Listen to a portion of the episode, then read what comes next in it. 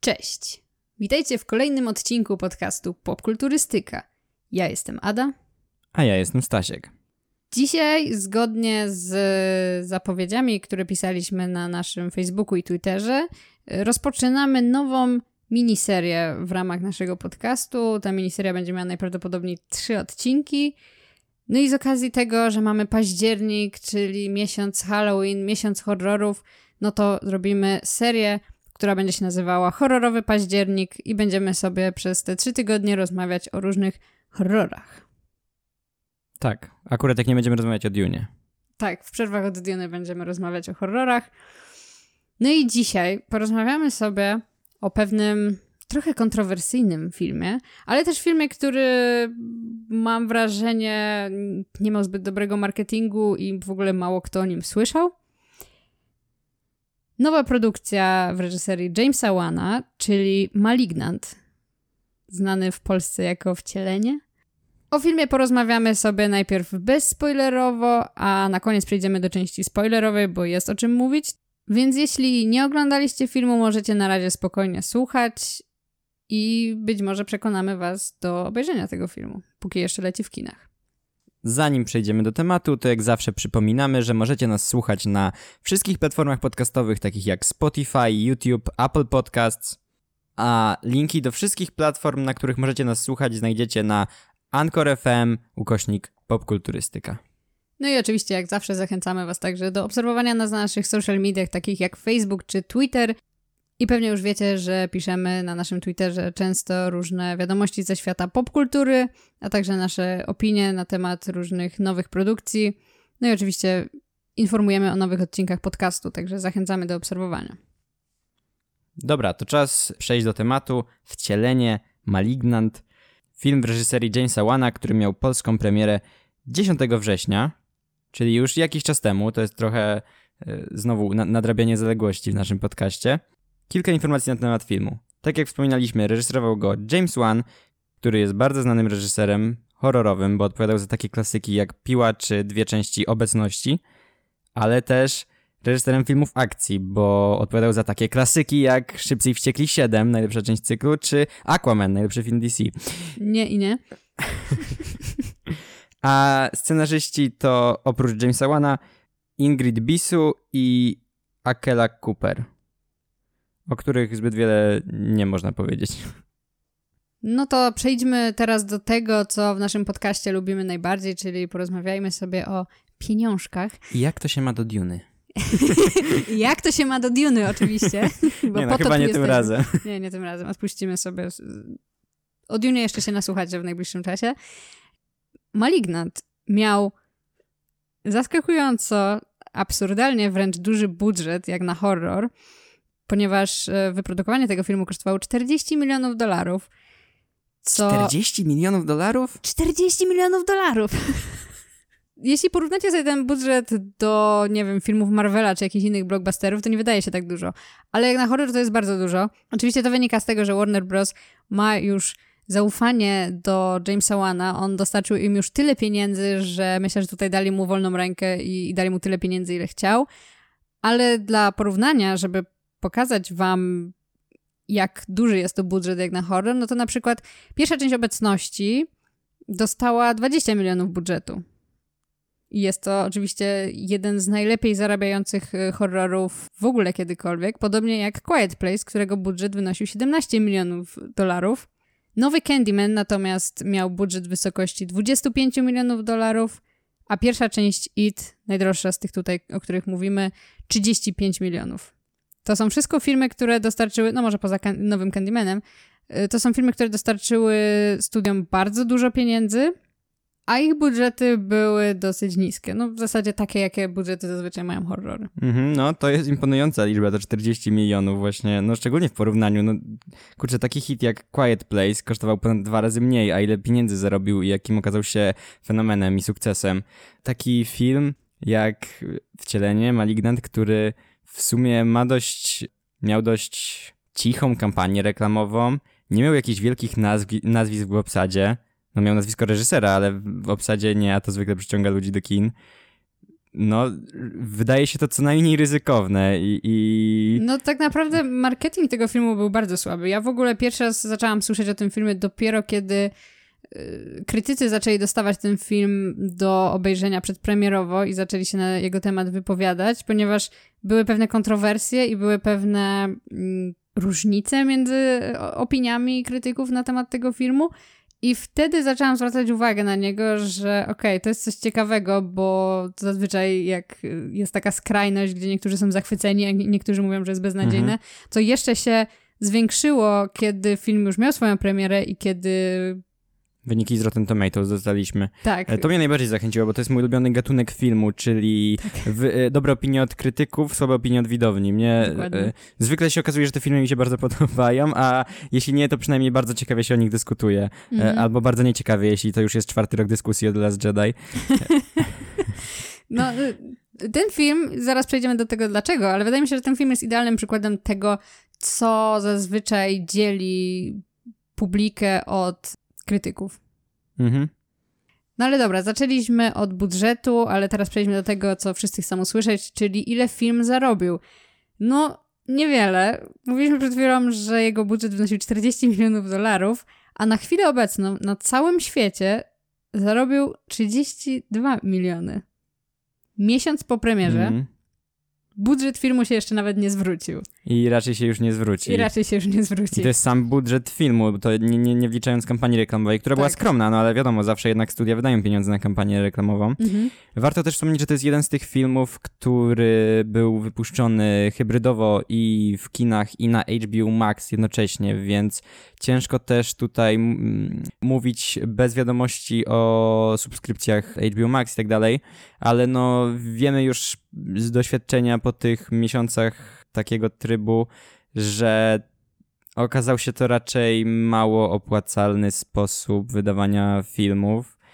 Tak, I... mało opłacalny dla, dla studia. Ciężko stwierdzić, na ile opłacalny dla platformy y, HBO Max, ale nie sądzę, żeby ten film był tym tytułem, który zachęca ludzi do tego, żeby wykupić sobie tam subskrypcję. Raczej mhm. czymś takim dodatkowym, co jak już masz tą subskrypcję, to a okej, okay, Malignant, słyszałam o tym filmie, dobra, zobaczymy co to jest.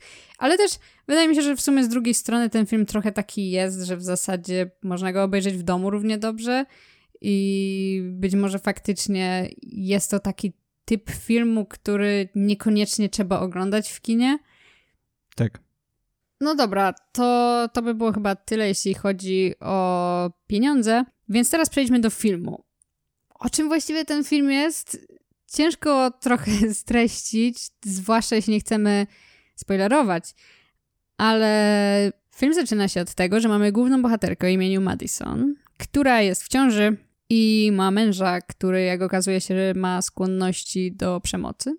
I w ich spokojnym życiu pojawia się w pewnym momencie pewne zagrożenie, kiedy pewnej nocy jakaś istota albo jakaś osoba pojawia się w ich domu i atakuje ich. I po tych traumatycznych wydarzeniach tej nocy okazuje się, że główna bohaterka jest w jakiś sposób połączona z tą tajemniczą istotą. Mianowicie często ma wizje, w których widzi, jak ten ktoś dokonuje różnych morderstw, tak jakby tam była, ale w rzeczywistości jej tam nie ma. To jest bardzo taka naokoło streszczenie tej fabuły, tak żeby jak najmniej wam zaspoilerować. Mimo wszystko moim zdaniem warto iść na ten film nie wiedząc o co chodzi, na czym polega ten główny plot twist, więc e, jak przejdziemy do części spoilerowej, to polecam wyłączyć odcinek, żeby sobie nie psuć zabawy, bo mimo wszystko warto ten film obejrzeć, moim zdaniem. No ale dobra, przejdźmy może do naszych wrażeń z tego filmu. Jak ci się podobało? Po pierwsze, ten film mnie bardzo zaskoczył, bo spodziewałem się czegoś innego.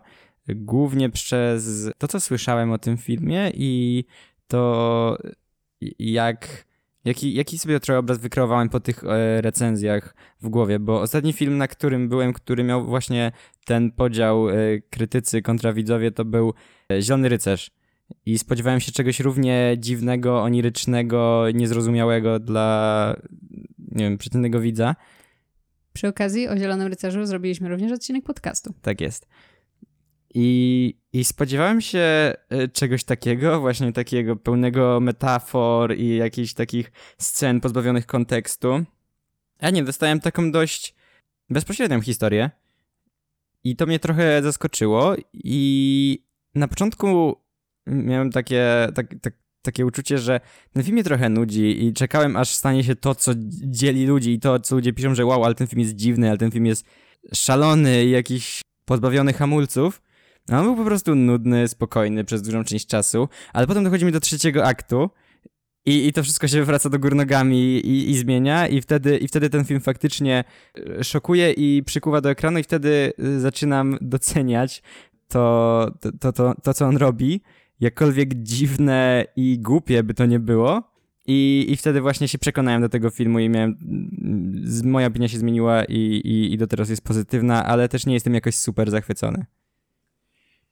No właśnie, ja po obejrzeniu tego filmu jestem w stanie zrozumieć, powiedzmy, obie strony tego konfliktu. Jestem w stanie zrozumieć, dlaczego ludziom się ten film nie podobał. Jestem w stanie też zrozumieć, dlaczego krytycy oceniają go pozytywnie. Ja stoję gdzieś pomiędzy, bo ogólnie oceniłabym też ten film pozytywnie, ale nie jest to jakiś film, który mnie zachwycił i do którego będę wracać, raczej go już nigdy więcej nie obejrzę, ale na pewno zostanie na długo w mojej pamięci. Ten film jest przedziwny i jest tak bardzo samoświadomy i, i przerysowany, że swoim stylem bardziej przypomina właśnie te filmy akcji y, Jamesa Wana, czyli właśnie Aquamena mm. czy Szybkich i Wściekłych, niż jego horrory. Ja spodziewałam się, idąc na ten film, właśnie horroru, w sensie, że spodziewałam się tego Jamesa Wana, którego znamy właśnie z obecności, z Piły, z Insidious, a dostałam zupełnie co innego, bo ten film nie jest takim właśnie porządnym horrorem, który cały czas się trzyma w napięciu i cały czas jest bardzo poważny w swoim przekazie i w swojej historii. Nie, ten film jest bardzo samoświadomy i jest często bardzo głupkowaty. Tak, taki, czuć, czuć nim taki horror klasy B, jak nie niżej. Tak, no dokładnie. Tam scenariusz jest tak sztuczny, te, te dialogi między postaciami są tak bardzo nierzeczywiste, nie, jakby normalni ludzie tak nie rozmawiają Tak, one są sobą. tak złe, że aż muszą być intencjonalne, bo tak. jeśli nie jesteś George'em Lucasem, to nie napiszesz czegoś takiego na poważnie. tak, dokładnie. Dodatkowo gra aktorska momentami, zwłaszcza moim zdaniem e, ze strony głównej bohaterki, czy też głównej aktorki, e, Aktorka nazywa się Annabelle Wallis, swoją drogą kobieta gra w filmie Jamesa Wana i nazywa się Annabelle, wow. Ona gra tak strasznie sztucznie, tak... tak teatralnie bardzo. Tak teatralnie i tak y, w ogóle nie przekonująco, że po prostu właśnie oglądasz tą pierwszą, powiedzmy, połowę tego filmu i masz takie, Jezus, y, tragiczne to jest, w sensie...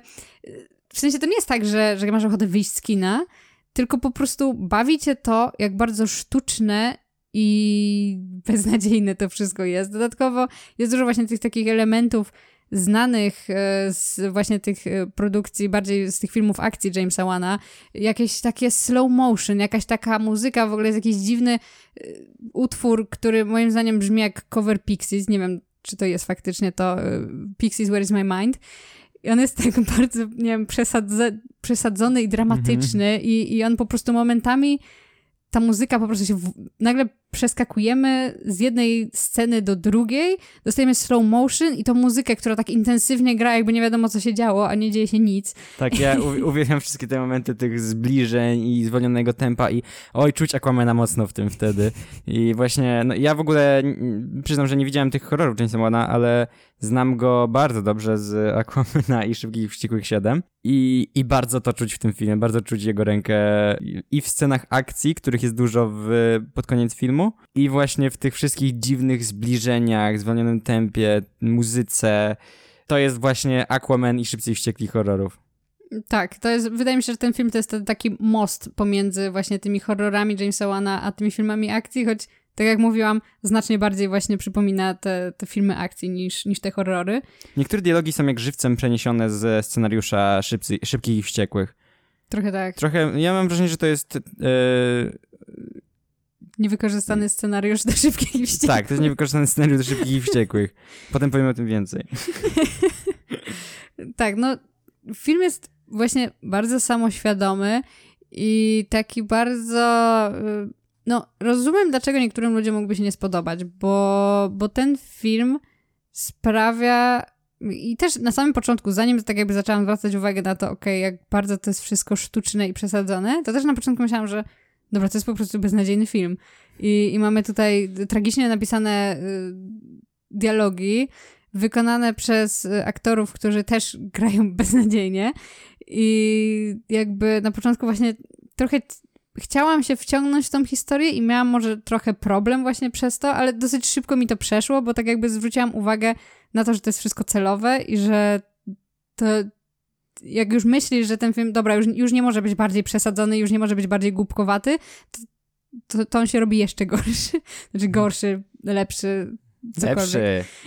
Ale moim zdaniem właśnie to, co mówisz, ten początek, w którym mamy wrażenie, że to jest taki typowy, słaby horror, gdzie jest dużo takiego ponurego snucia się po jakichś różnych lokacjach, gadania bez sensu, tymi właśnie z tymi edgy dialogami, tego, tego filtra szarego, tej takiej ciszy i jakichś ujęć pustych pokojów i nie wiem, miałem, miałem wrażenie przez długi czas, że to jest taki właśnie rodzaj horroru, którego bardzo nie lubię i który gdzieś tam udało mi się czasem zobaczyć w telewizji i który niczym, ni, niczym nie potrafi mnie zaciekawić i trochę za długo odnosiłem to wrażenie. Trochę moim wrażeniem albo mógł być ogólnie krótszy ten film, albo wcześniej mogliśmy dostać ten szalony reveal, to, ten zwrot akcji, który wszystko zmienia.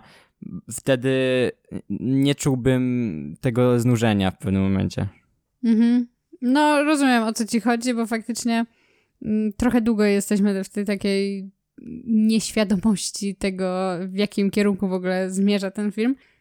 Jeśli chodzi o reżyserię, no to myślę, że tutaj mimo wszystko, mimo tego jak beznadziejnie jest, e, powiedzmy beznadziejnie to wszystko wygląda i te, te wszystkie rzeczy, na które tutaj narzekałam przed chwilą, no to trzeba przyznać, że widać, że po pierwsze James Wan się świetnie bawił przy robieniu tego filmu i po drugie widać, że miał konkretny plan na to, jak, y, jak to ma wyglądać. I, I, wydaje mi się, że w ogóle ten film to jest trochę taki hołd do takich właśnie shitty horrorów y, mhm. klasy B, które się gdzieś tam oglądało w dzieciństwie i, i, i widać tutaj to, to, to zamiłowanie właśnie Jamesa Wana do, do gatunku. I ogólnie wydaje mi się, że można narzekać na ten film i mogą się pewne rzeczy nie podobać. Ja to zupełnie rozumiem, ale trzeba przyznać, że James Wan tutaj, jak zawsze zresztą, zrobił dobrą robotę. No, ja bardzo lubię ten styl y, Jamesa Wana, który jest trochę taki przesadzony, trochę taki wręcz kreskówkowy momentami. Y, I właśnie on jest bardzo charakterystyczny dla jego filmów akcji.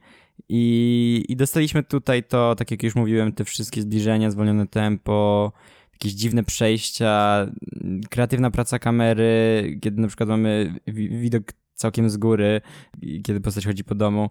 To są takie rzeczy, do których James Wan, choć nie widziałem jakoś bardzo dużo jego filmów, zdążył mnie już przyzwyczaić i, i, i których oczekiwałem i które dostałem. I też dostajemy, tak jak mówiłem pod koniec filmu, dużo scen akcji i one są równie y, ciekawie, aczkolwiek głupio i przerysowanie, wyreżyserowane, mhm. Że przykuły moją uwagę. I to jest to samo, co właśnie w, w, tych innych jego filmach, bo tam również sceny walki często są dziwne, ale bardzo dynamiczne i fajnie zrealizowane. Tak, to prawda. No to jeszcze tak, zanim przejdziemy do porozmawiania w skrócie o aspektach technicznych, no to jeszcze powiedzmy może trochę o tym, dlaczego możemy się zgodzić właśnie z tą częścią, która pozytywnie odebrała ten film. Dlaczego krytycy może nie tyle byli nim zachwyceni, co ogólnie oceniali ten film pozytywnie. I tutaj właśnie, tak jak mówiłam wcześniej, wydaje mi się, że jest ten taki mm, motyw, który często się pojawia w kontrowersyjnych, powiedzmy, tytułach Moim zdaniem ten film jest po prostu czymś zupełnie nowym. Jest tak bardzo nieprzewidywalny i tak bardzo inny od wszystkich filmów, jest tak bardzo świeży, że nic dziwnego, że krytycy oceniają go pozytywnie. I to zazwyczaj właśnie tak dosłownie y, to działa, że jeśli są filmy, które dzielą publikę i krytyków, to dlatego, że te filmy są właśnie czymś zupełnie nowym, czymś, do czego nie jesteśmy przyzwyczajeni jeszcze. I krytycy są zachwyceni, bo no wiecie, jak oglądacie, nie wiem, kilka filmów tygodniowo przez kilkadziesiąt lat swojego życia, to pewne schematy zaczynają was już trochę męczyć i jak nagle dostajecie coś, co jest dla was zupełnie niespodziewane i nowe, no to nic dziwnego, że wam się to podoba. I mam wrażenie, że ludzie często nie potrafią tego zrozumieć mhm. i... Mam wrażenie, że często jest tak, że publika oczekuje, spodziewa się czegoś i oczekuje, że ten film spełni ich oczekiwania. W sensie, mhm, że tak. jeśli ten film nie jest tym, jaki oni mieli obraz w głowie, to im się nie spodoba. To jest bardzo częsty problem właśnie, że ludzie nie oceniają filmu za to, czym jest, tylko, czym tylko za, być, za, to, czym, za to, czym jest w porównaniu do tego, co oni sobie wyobrażali. I mhm. to jest złe podejście. Łatwo jest czasem wpaść w tą pułapkę. No ja też najłatwiej... kiedyś tak miałem i staram się jak najbardziej tego odciąć, bo oczywiście nie da się iść na film bez żadnych wymagań. I jestem ciekawy teraz, jak na przykład skonfrontuję Dune z tym obrazem Dune, jaki mam w swojej głowie. Dokładnie ale no i to często jest, częściej e, widzimy to w przypadku blockbusterów czy wielkich marek. No, Gwiezdne Wojny nowe to jest chyba najlepszy przykład tego, że ludzie budują sobie obraz jakiś w głowie, a potem kiedy film okazuje się, że jest czymś innym, niekoniecznie złym, to jest już inna dyskusja, ale innym, to ludziom się to nie podoba, bo nie, bo według nich historia powinna pójść w inną stronę, e, e, nacisk powinien być na coś innego i i, I stąd często wynika ten y, dysonans, bo krytycy nie mają takiego podejścia, tylko po prostu oglądają film i widzą go za to, czym jest. Tak, dokładnie. I to jest bardzo dobre podejście i faktycznie czasem ciężko jest się trochę od tego powiedzmy odciąć. Czasem faktycznie y, już układa nam się w głowie pomysł, co będzie się działo dalej i ten film całkowicie rujnuje mhm. tak jakby naszą wizję. Szczególnie, czasem... że zwiastuny mogą być mylące też filmów. Tak, często. dokładnie. Dlatego ja bardzo polecam y, oglądanie filmów bez jakiejkolwiek wiedzy na temat tego, czym mają być. Ja mhm. najbardziej lubię Czasami oglądać filmy... Tak, to prawda ale ja osobiście zazwyczaj mam tak, że jak słyszę, że jakiś film jest dobry i zbiera dobre recenzje, to to mi wystarczy i ja go oglądam bez czytania o czym jest, bez patrzenia, mhm. nie wiem, co to jest za gatunek, bez y, oglądania zwiastunów, po prostu nic. Bez oczekiwań. I, i wtedy bez... bawię się najlepiej, bo dlatego też zawsze mnie zaskakuje, jak na przykład mówię, że a, że nie wiem, chodźmy do kina na ten film. A o czym on jest? Nie wiem, ale jest polecany. I ludzie są zawsze w szoku, że jak mogę iść do kina na film, który nie wiem o czym jest. No, tak jest najlepiej. I, I fajnie jest właśnie nie mieć oczekiwań wobec filmu. Dlatego też trochę boję się. No, no, musimy wrócić do tego tematu. Trochę się boję mojej reakcji na Dune, bo jednak, no, chcąc, nie chcąc, mamy jakieś oczekiwania wobec tego filmu. Jakieś, jakieś tam oczekiwania. No, jakieś tam. Ale wracając tutaj do, do naszego Malignant, to myślę, że po prostu właśnie ludzie spodziewają się raczej zwykłego horroru, a dostają coś zupełnie innego i, i to mi, im się nie podoba. Ale też z drugiej strony rozumiem, dlaczego dużo tych rzeczy może się nie podobać, bo no ten film jest specyficzny i... I nie jest tak naprawdę zbyt dobrym horrorem też moim tak, zdaniem. Tak, no, no, no nie jest, w sensie mm, jego plusem właśnie jest jego nieprzewidywalność i to, jak bardzo świeży i, i jakby pomysłowy jest. Ale z drugiej strony, no nie jest to ogólnie najlepszy film, bo jednak jak y, aktorzy grają mega sztucznie w filmie i dialogi są niezbyt dobrze napisane, no to rozumiem, że komuś może się znaczy, Z jednej strony jest to też część konwencji. Tak, jest to część konwencji, ale rozumiem, że taka konwencja jest ciężka do, do przyjęcia dla niektórych mm -hmm. ludzi. No i nie jest straszny ten film, więc... No nie jest zbyt straszny. Chociaż ja wciąż, ja zawsze uważam, że straszność y, horrorów to jest jakiś taki mityczny twór, który w rzeczywistości nie istnieje, bo jak nie wiem, zmierzyć to, jak straszny no, jest właściwie film. To, to jest bardzo ludzi, osobiste różnych. doznanie. Ten, ten, film jest w sumie obrzydliwy i brutalny, więc Tak, to jest może... bardzo dużo takiego gore w tym filmie, więc jeśli to was odrzuca, to znaczy nie wiem, niektórzy ludzie lubią, jak ich odrzucają rzeczy w filmie, więc no właśnie, miejcie to, to, na uwadze wtedy po sprawdzić jako, jako ten straszny element. Okej. Okay. Okej. Okay. Aspekty techniczne szybko i przechodzimy do części spoilerowej. No dobra, to tak, o muzyce już trochę wspomnieliśmy. Mhm. Y, za muzykę tutaj odpowiedzialny jest Joseph Bishara. On robił też muzykę do kilku innych horrorów y, Jamesa Wana. Dosyć znany y, kompozytor. Ogólnie muzyka jest spoko, najbardziej właśnie zapadł mi w pamięć ten motyw, który brzmi jak y, Where is my mind Pixies.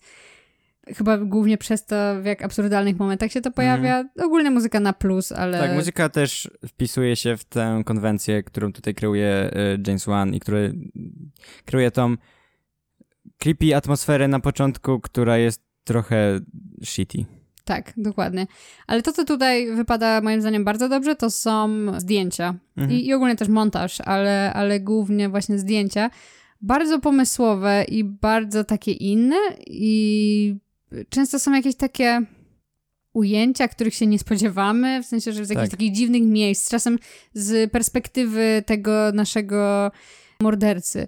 Czasem jakieś takie, nie wiem, z sufitu jakby mhm. ujęcia. Czasem sufitu. jakoś tak ta kamera chodzi między tak, pomieszczeniami. Tak, że przechodzi przez ścianę i tam się toczy dalsza część mhm. i no bardzo, bardzo wiele ciekawych zabiegów. I wydaje mi się właśnie, że zdjęcia i montaż to jest trochę też ten element tego filmu, w którym widać ten budżet, jaki tutaj został włożony, bo faktycznie ten film wizualnie wygląda lepiej niż większość horrorów. To prawda. Chociaż są też takie, kilka takich elementów, które mam wrażenie są bardzo charakterystyczne i typowe tak. dla horrorów. Tak. E, dobra, to spoilery? Mhm. No to to by było na tyle tak krótko o aspektach technicznych i tak jak mówiliśmy, przechodzimy teraz do części spoilerowej. Uwaga, spoilery. No dobra. Jakie miałeś wrażenia z całego tego wielkiego plot twistu? Ten wielki plot twist był już w momencie, kiedy zacząłem się trochę męczyć i nudzić tym filmie, e, filmem. Więc kiedy dostaliśmy tę te, te, scenę, kiedy ta kamera się obraca, to ja od razu po prostu wyprostowałem się, otworzyły mi się oczy szerzej i miałem takie o tak, dajcie mi więcej tego, ale to jest obrzydliwe, pokażcie to jeszcze raz. E, z jakiegoś powodu w ogóle ten e, dziwny bliźniak wyrastający z pleców tej dziewczynki był dla mnie bardzo satysfakcjonujący do, satysfakcjonujący do oglądania. Nie, nie wiem. Okej. Okay.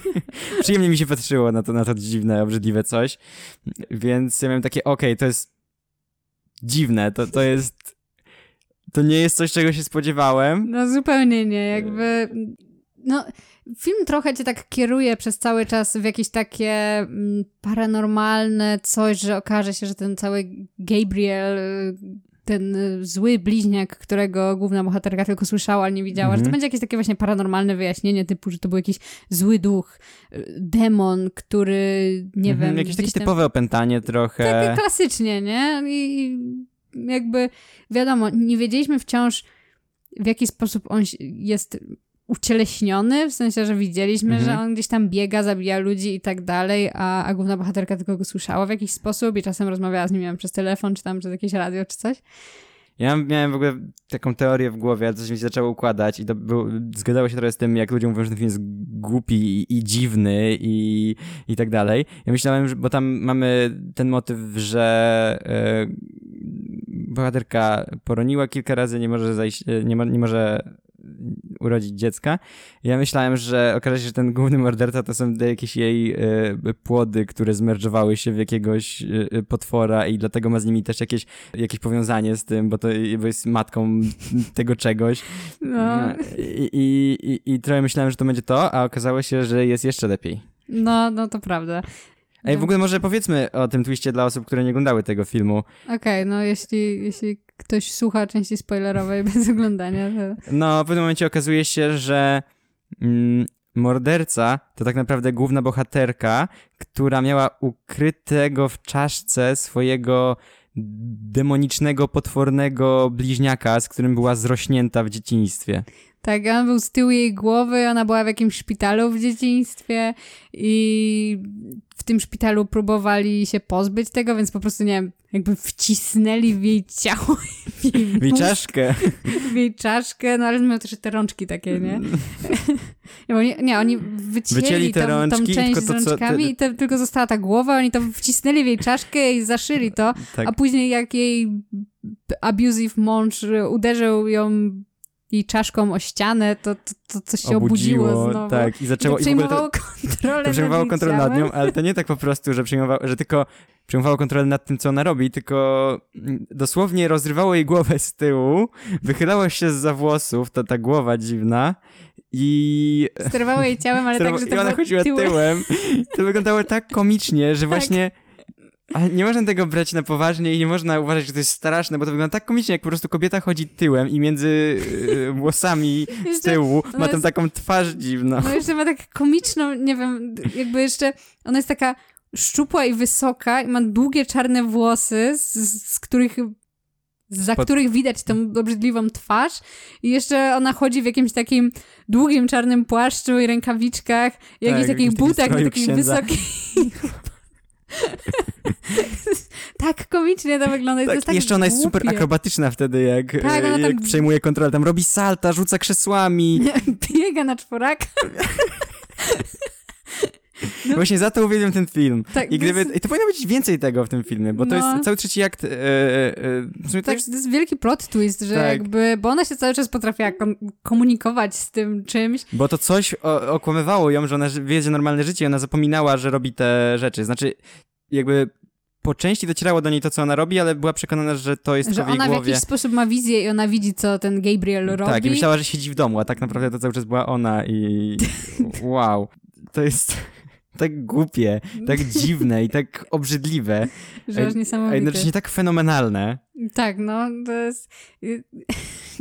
No, jakby właśnie próbować wytłumaczyć komuś, kto nie widział tego filmu, o co chodzi, to to brzmi jeszcze gorzej. W sensie, że mimo wszystko w konwencji tego filmu to masz tak, no, Okej, okay, faktycznie, to ma sens. Okej, okay, faktycznie. faktycznie. Ale no... No głupie to jest, strasznie Ale ja się głupie, świetnie bawiłem ale... na tej końców, końcówce. Tak. Jest zabawna, pełna akcji i, i, i, to jest po prostu dobra zabawa. To jest, to jest właśnie film, na którym można się dobrze bawić, przynajmniej na końcówce, bo właśnie może trochę wynudzić wcześniej, mm. ale, ale nadrabia pod no, koniec. Jak się ma świadomość od samego początku tego, jak bardzo ten film jest właśnie taką, no może nie parodią, ale taki właśnie bardzo samoświadomy i że on mm -hmm. specjalnie jest taki powiedzmy słaby, to może to podnosić trochę jakby Właśnie poziom zadowolenia. Mnie bardzo przykowało przy tym filmie, że ja przez cały ten film, dopóki on był zwykły, znaczy zwykły, słaby i, i, i dziwny tym, jak, jak, jak jest słaby i, i głupi momentami, jeśli chodzi o dialogi i, i aktorstwo, ale brakowało mi tej, tej, jeszcze tej dziwnej fabuły, tego czegoś, co sprawia, że ci wszyscy ludzie mówią, jakie to jest dziwne i głupie. I, mm. i, mhm. i, byłem, i, i po prostu wiedziałem, że zaraz się coś wydarzy i to wywróci wszystko do góry nogami. I, i nie zawiódł mnie ten film. Jeszcze ten film dodatkowo ma dużo takich elementów, które są takie strasznie głupie, nie wiem, typu mm, jest ten psychiatryk taki, który wygląda jak po prostu taki najbardziej przerysowany. Tak, on jest jeszcze na klifie na, i pada na, deszcz, tak. jest noc, oczywiście w nocy jakiś bu noc, burza, to wtedy najlepszy jest moment, żeby jechać do psychiatryka, tak, zaparkować oczywiście. auto na samym skraju urwiska. Tak, tak dosłownie, że, że to auto po prostu było centymetr od tego, żeby spaść z tego urwiska. I, I, ta siostra, która tam po prostu y, łazi po tym psychiatryku i szuka jakichś starych y, archiwalnych y, dokumentów. Takie są piwnicy jeszcze. Tak. To jest tak bardzo przesadzone. A ci bohaterowie są tak bardzo poważni w tym wszystkim, co robią, tak bardzo nie wiem, nieświadomi tego, że nie ma... Jak Vin Diesel w Szybkich i Wściekłych, mówiłem, to miał być, to miał być scenariusz Szybkich i Wściekłych i tak, Vin Diesel tak. miał być główną postacią i na końcu się okazuje, że John Cena mu siedział z tyłu głowy, pełnowymiarowy John Cena. Nikt wcześniej nie zauważył tej drugiej twarzy z tyłu tej jego łysej głowy.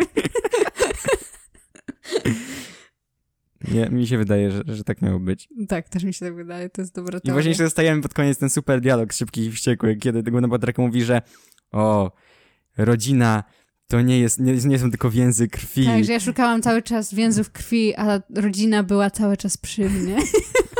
Okej, okay, James Wan, to jest coś, co miałeś albo w scenariusz Szybkich i Wściekłych, albo nauczyli cię tego na planie Szybkich i Wściekłych. No, to jest jakby już, nie, nie pozbędzie się tego z głowy, nie? Teraz będziemy oglądać jakiś kolejny film z uniwersum obecności i tam będą gadać o rodzinie, nie? tak, trochę, a... trochę jest ten motyw rodziny, tam to małżeństwo tych, tych Urenów i tam ta ich córka i w ogóle tam często się pojawiają też takie tematy rodziny i takiego, że jednak... Mhm. No, w Aquamanie, no przecież mamy konflikt między braćmi I, i też mamy i matkę, którą odnajduje Aquaman i mamy jego ojca, to też jest bardzo ważna relacja, więc no James Wan po prostu idealnie pasował do Szybkich i Wściekłych i, i cały czas pokazuje nam, jak, jak ważna jest rodzina i jak go za to szanuje. Tak. A w ogóle jest jeszcze jeden taki ciekawy wątek w tym filmie, który no, jest ta horni policjantka, która, nie wiem, budowany jest jakiś taki wątek pseudoromantyczny między tym głównym policjantem mm, a tą policjantką. On za każdym razem jak coś powie, to ja pojawia się ta poli... zapomniałam, że taka postać była. Ale było tak. No, no, tak, było. Za każdym razem jak on coś mówi, to, to obok niego jest ta jego partnerka, policjantka, nie, nie ta jego główna partnerka, tylko jakaś tam, która jest z nimi, jakaś, nie wiem, starzycka, coś, nie, nie, nie wiem, yy, taka młoda. I on za każdym razem mówi coś tam, jakieś takie sugestywne rzeczy w jego stronę i on mm -hmm. jakby ją trochę ignoruje, a, a ona jest taka ewidentnie zauroczona, delikatnie mówiąc i nie w sumie do niczego nie prowadzi ten wątek. No, do niczego. Do, do, do nie ma żadnego wątku romantycznego. Właśnie... Zresztą ten główny policjant ma też jakąś taką relację, taką trochę flirty relację z tą siostrą głównej bohaterki. Tak, no to tutaj bardziej jest jakiś... E, tak, więc jakby mamy te podstawy, mamy trzy boki tego trójkąta, tylko, że co z tego, skoro nigdy nie jest narysowany ten trójkąt. I, i, i to jest strasznie dziwne, bo i, i na dodatek jeszcze ta postać jest zarysowana jako, tak, miałem wrażenie że, że okej, okay, to ona pewnie zaraz umrze, bo jest taką postacią gdzieś z boku, mm -hmm. którą jest tą kobietą, Horni. Nie, on, w sumie to nie. nie wiadomo o co z nią chodziło. nie wiadomo o co chodziło też w ogóle z całym tym wątkiem pseudo-miłosnym, bo to też do niczego nie prowadzi. Z tą siostrą? No.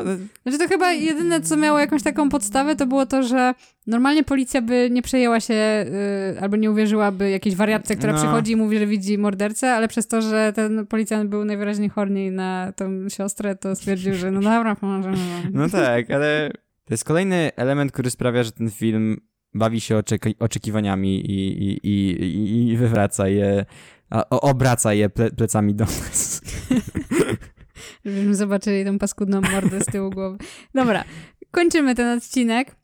To by było wszystko, jeśli chodzi o Malignant. Przedziwny film, o którym pewnie będziemy jeszcze dużo razy mówić poza podcastem, bo po prostu jest o czym mówić. W ogóle też przed nagrywaniem nie mogliśmy się powstrzymać i zaczęliśmy rozmawiać o tym filmie, bo po prostu jest tak dziwny, że chce się o nim rozmawiać mhm. i, i też ja w ogóle pierwsze co, jak tylko obejrzałam ten film, to pierwsze co chciałam zrobić, to było włączenie jakichś dziesięciu różnych recenzji i posłuchanie, co inni ludzie mają na ten temat do powiedzenia. Tak, musiałam ja też się, ciekawy. Musiałam się powstrzymywać, żeby nie słuchać recenzji innych ludzi przed nagraniem podcastu, także teraz e, będę mogła spokojnie posłuchać, co właśnie inni mają do powiedzenia na temat tego filmu. Dajcie znać, co wy sądzicie o Malignant, jeśli widzieliście ten film. A jeśli nie widzieliście i dalej tu jesteście, to przepraszamy za zrujnowanie wam zabawy, ale oszczegaliśmy. za tydzień porozmawiamy sobie o czymś trochę innym, bo nie będziemy rozmawiać o filmie, ale o grze. I zostaniemy trochę w tematyce kontrowersyjnych tytułów, które podzieliły publikę i krytyków, bo porozmawiamy sobie o The Last of Us Part 2. Pamiętajcie, że możecie nas słuchać na wszystkich platformach podcastowych: Spotify, YouTube, Apple Podcasts. Na Anchor FM ukośnik popkulturystyka znajdziecie wszystkie inne miejsca. No i oprócz tego zachęcamy do obserwowania nas w naszych social mediach na Facebooku i Twitterze pod nazwą Popkulturystyka. Do usłyszenia w kolejnym odcinku. Na razie. Cześć. Słuchajcie podcastu Popkulturystyka na Spotify i YouTube.